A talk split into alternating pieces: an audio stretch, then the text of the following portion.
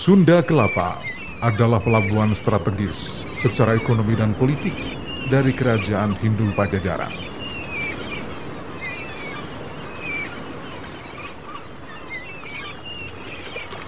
Setelah Malaka, bandar itu menjadi pelabuhan perantara yang paling ramai dikunjungi oleh para pedagang dari Arab, India, Cina, dan para pedagang Nusantara lainnya.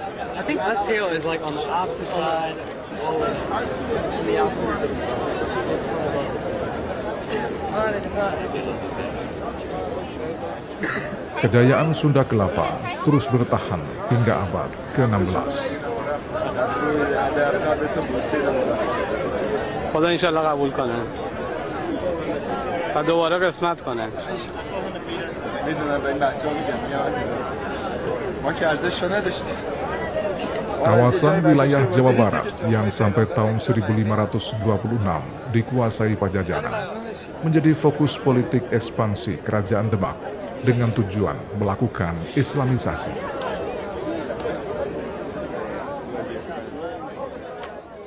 Lebih dari itu, Kerajaan Demak juga ingin menancapkan pengaruh politis serta mengontrol kegiatan perdagangan di pantai utara Jawa bagian barat dan Selat Sunda. Assalamualaikum.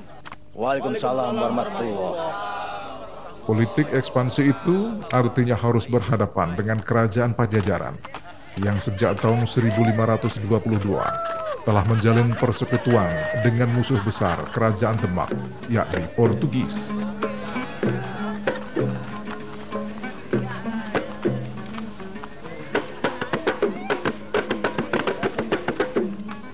Kepentingan antara Portugis dan Kerajaan Pajajaran itu kemudian dituangkan dalam bentuk perjanjian persahabatan militer dan ekonomi, yakni Perjanjian Padrau.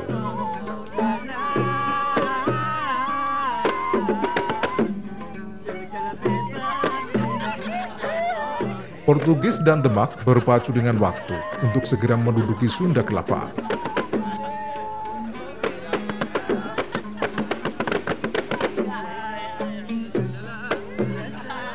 Tahun 1526, Alfonso de Albuquerque mengirim enam kapal perang di bawah pimpinan Francisco de Sales menuju Sunda Kelapa.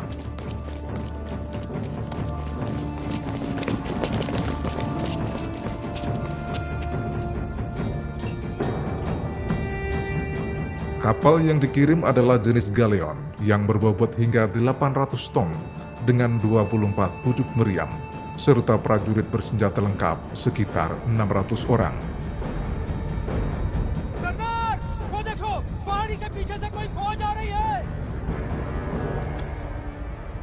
Pada tahun yang sama, Sultan Trenggono mengirim 20 kapal perang bersama 1.500 prajurit di bawah pimpinan Fatahillah menuju Sunda Kelapa.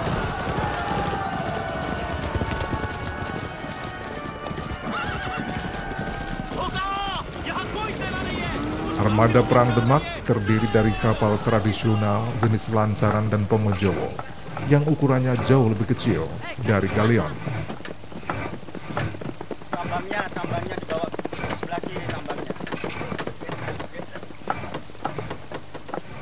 Kapal-kapal itu digerakkan oleh layar dan dayung, serta dilengkapi delapan pucuk meriam buatan lokal yang jangkauannya tidak sejauh meriam Portugis.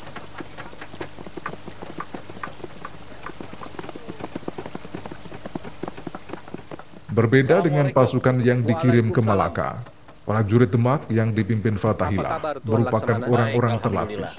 Bagaimana? Sejumlah perwiranya merupakan veteran pasukan Adipati Yunus yang berpengalaman dalam perang laut Barangkali sehingga faham menghadapi kapal-kapal Tapi semua ini Portugis. rahasia. Ada perintah lain dari Wong Agung Pase. Ya. Kita akan berangkat lebih cepat. Siapkan mana yang sudah mendekati rampung saja. Setelah Cirebon menggabungkan diri dengan Demak, maka Fatahillah tak langsung menggempur Sunda Kelapa, melainkan mengarahkan armada armadanya ke Banten yang tidak dipertahankan secara kuat oleh tentara prajurit kerajaan Pajajaran. sehingga Banten dapat diduduki oleh pasukan Demak dan Cirebon pada akhir tahun 1526. Oh, tidak. Itu tugas jihad. Malah saya akan ajak orang-orang Tionghoa untuk bantu. Tapi kalau belum siap kita sudah berangkat, apa nanti tidak sia-sia? Wong Agung memberikan izin kepada saya untuk memberitahukan kepada Kok Kim San. Begini, Wong Agung mengatakan Penguasa Banten kemudian dipegang oleh Maulana Hasanuddin, tokoh penyebar agama Islam asal Cirebon.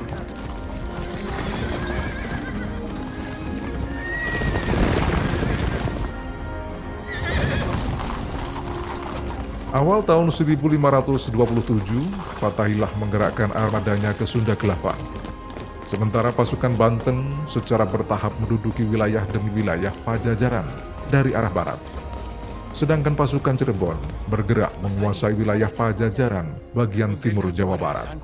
Sehingga Sunda Kelapa telah dipertahankan oleh kerajaan Pajajaran secara kuat, baik di darat maupun di laut.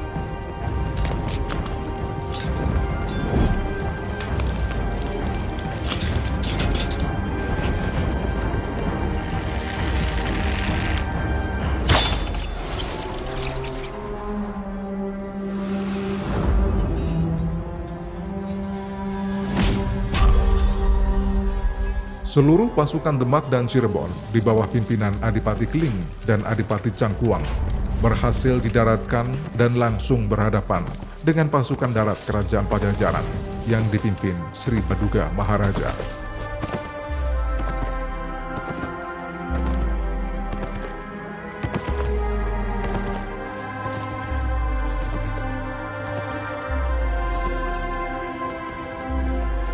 Dalam waktu sehari, Sunda Kelapa dapat dikuasai oleh pasukan Fatahillah.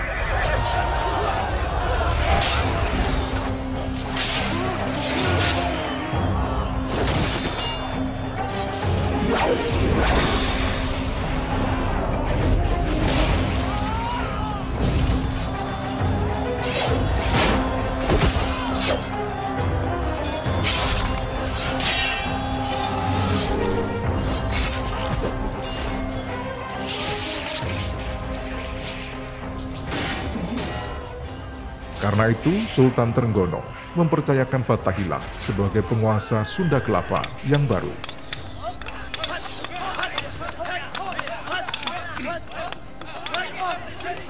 Pasukan dari Madura sudah datang. Suruh mereka masuk. Mari kita sambut. Berhenti, berhenti. Kapal-kapal dan prajurit kerajaan Demak yang disertakan dalam ekspedisi itu tetap dipertahankan di Sunda Kelapa untuk mendukung gerakan pasukan Islam yang sedang bergerak ke kawasan Pakuan. Selain itu, juga disiapkan untuk menghadapi kedatangan armada Portugis yang sedang bergerak ke arah Jawa bagian barat.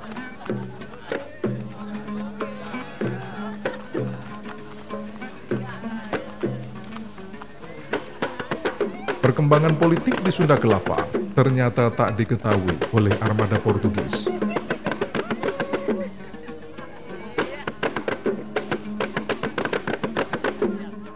Pada bulan Juni 1527, kapal-kapal Portugis telah berada di Teluk Sunda Kelapa, di mana sebuah kapal ditugaskan merapat di pelabuhan dan menurunkan pasukan bersenjata lengkap untuk merealisasikan perjanjian membangun perkantoran, perumahan yang dilengkapi dengan benteng pertahanan.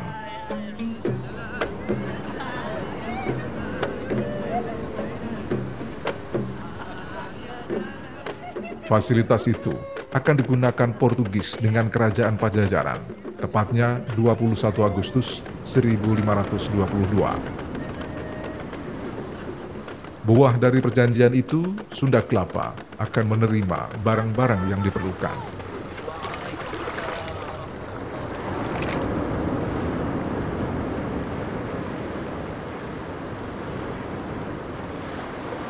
Kapal-kapal Portugis lainnya membentuk formasi di perairan terbuka untuk menghadang kedatangan armada kerajaan Demak yang diperkirakan akan muncul dari Teluk Sunda Kelapa.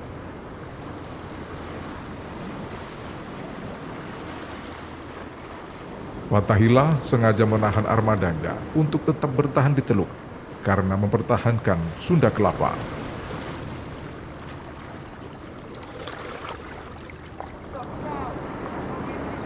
Dalam suasana mencekam dan tidak pasti itu, sebuah kapal perang Portugis mencoba memasuki Teluk untuk menghindari badai. Kehadiran kapal itu segera dikepung dan ditenggelamkan oleh kapal-kapal kerajaan Demak yang mampu mengarahkan meriam dan bola api tepat di lambung dan geladak kapal.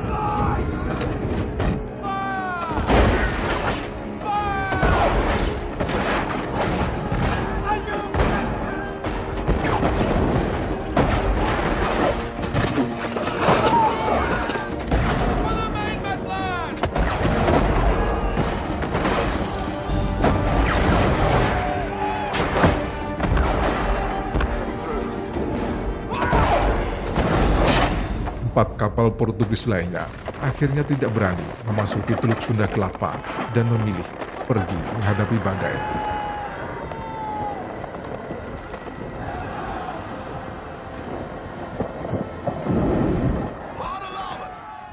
Tenggelamnya dua kapal itu membuat Francisco de Sá memerintahkan armadanya kembali ke Malaka.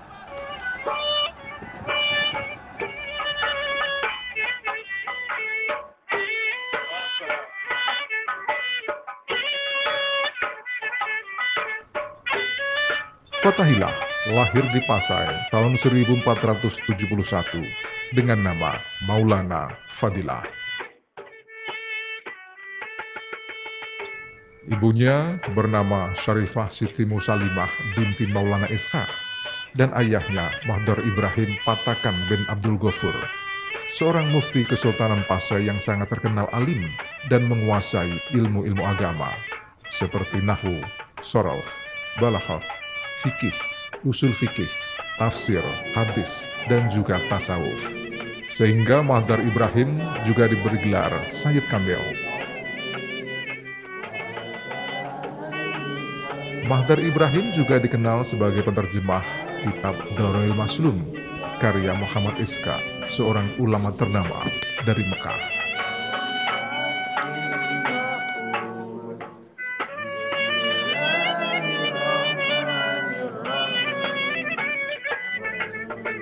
Sebagai anak yang terlahir di lingkungan Kesultanan Pasai, Fadilah memperoleh pendidikan militer, terutama kemiliteran laut, sesuai dengan kedudukan Kesultanan Pasai yang terletak di Selat Melaka, jalur strategis yang menghubungkan dua pusat perdagangan, yakni Cina dan India.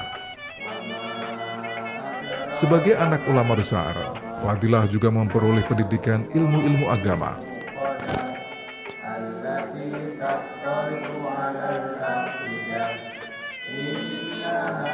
Bekal ilmu militer menempatkan dirinya sebagai panglima tertinggi pasukan gabungan tiga kerajaan. Sedangkan bekal ilmu agama mendudukannya sebagai anggota Wali Songo generasi keempat.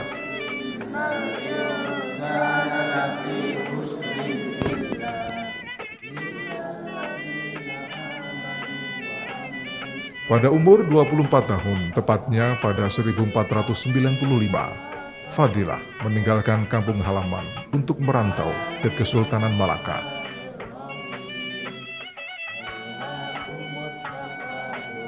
Sultan Mahmud Shah yang sudah mengetahui kemampuan Fadilah langsung memberi jabatan Tumenggung. Hal itu didasarkan pada kemampuan awalnya karena menghalau para bajak laut di Selat Malaka yang waktu itu dikuasai pelaut-pelaut Cina.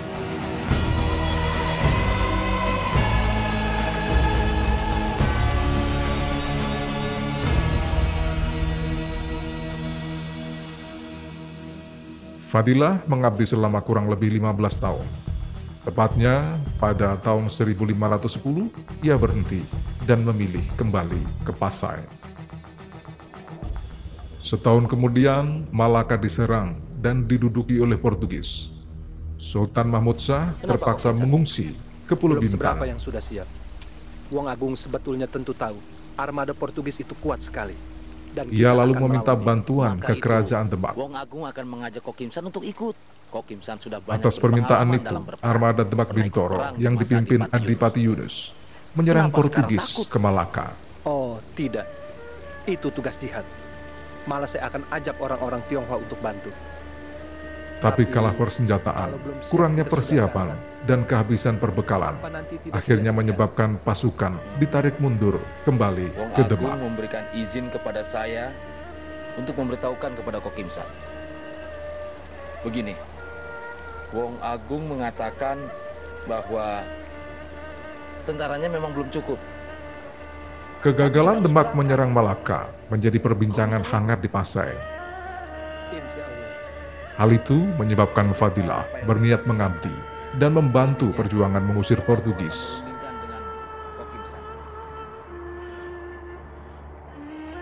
Fadilah saat itu baru datang dari Turki untuk belajar agama dan teknik senjata serta peperangan. Kiai Fadilah. Rupanya Kanjeng Sultan tidak tega menugaskan adik mantunya memasuki peperangan yang mustahil.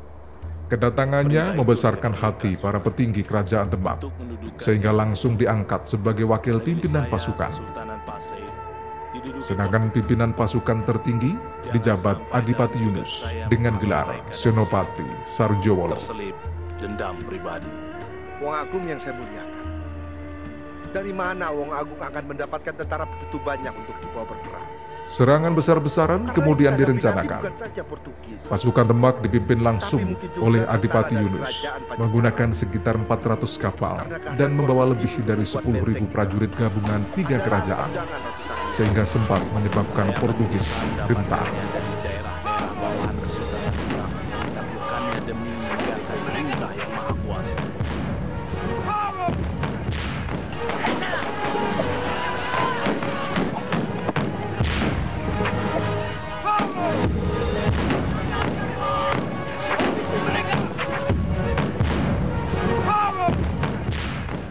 Namun peperangan baru berlangsung tiga hari saat peluru meriam menyasar menghantam kapal yang mengakibatkan gugurnya Adipati Yunus.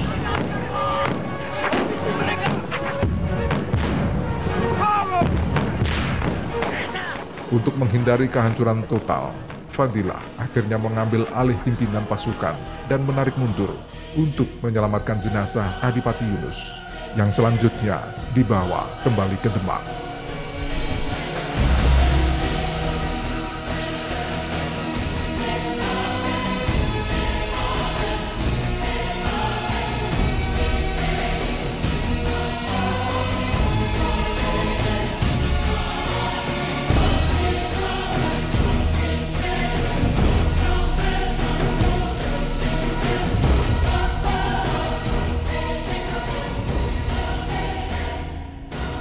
Kegagalan penyerangan besar-besaran itu menyebabkan para petinggi Kesultanan Banten, Cirebon, Demak, serta para wali berhitung.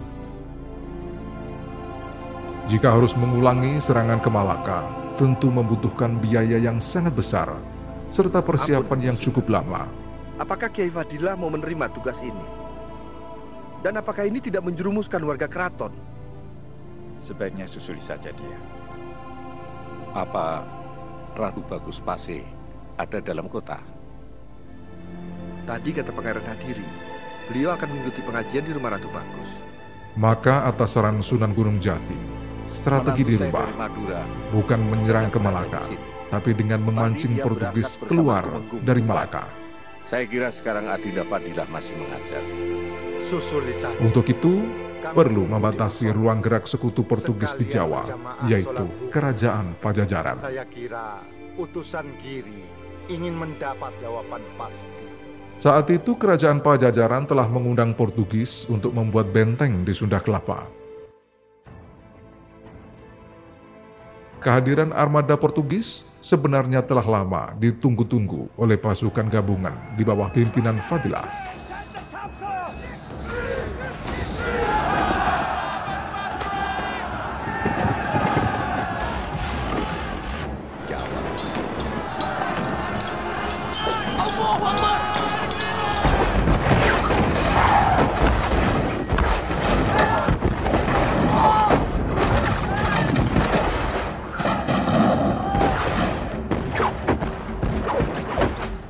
Dengan bekal pasukan terlatih, strategi dan senjata lengkap, armada Portugis berhasil diluluh lantakkan pada 22 Juni 1527.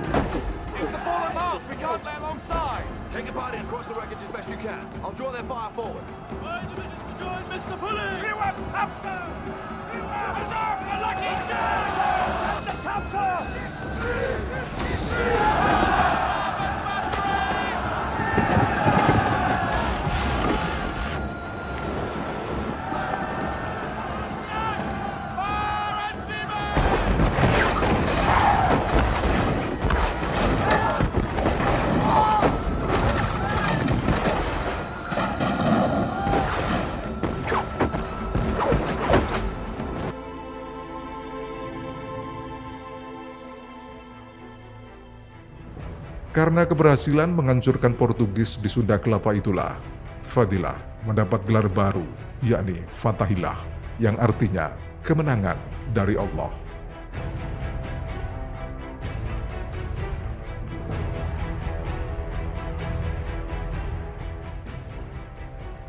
Tahun 1568, Sunan Gunung Jati wafat, sedangkan cucunya Pangeran Adipati Cirebon yang direncanakan untuk mengganti kedudukannya justru telah meninggal lebih dulu. Karena itu, Fatahillah diangkat menjadi Sultan Cirebon, dan masyarakat Cirebon sering menyebutnya sebagai Sunan Gunung Jati II.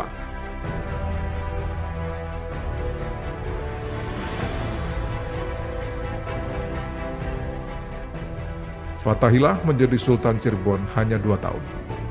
Karena pada tahun 1670, ia wafat setelah berjuang menyebarkan Islam di Sumatera, Jawa Barat, dan Jawa Tengah, serta mengusir Portugis dari bumi Nusantara.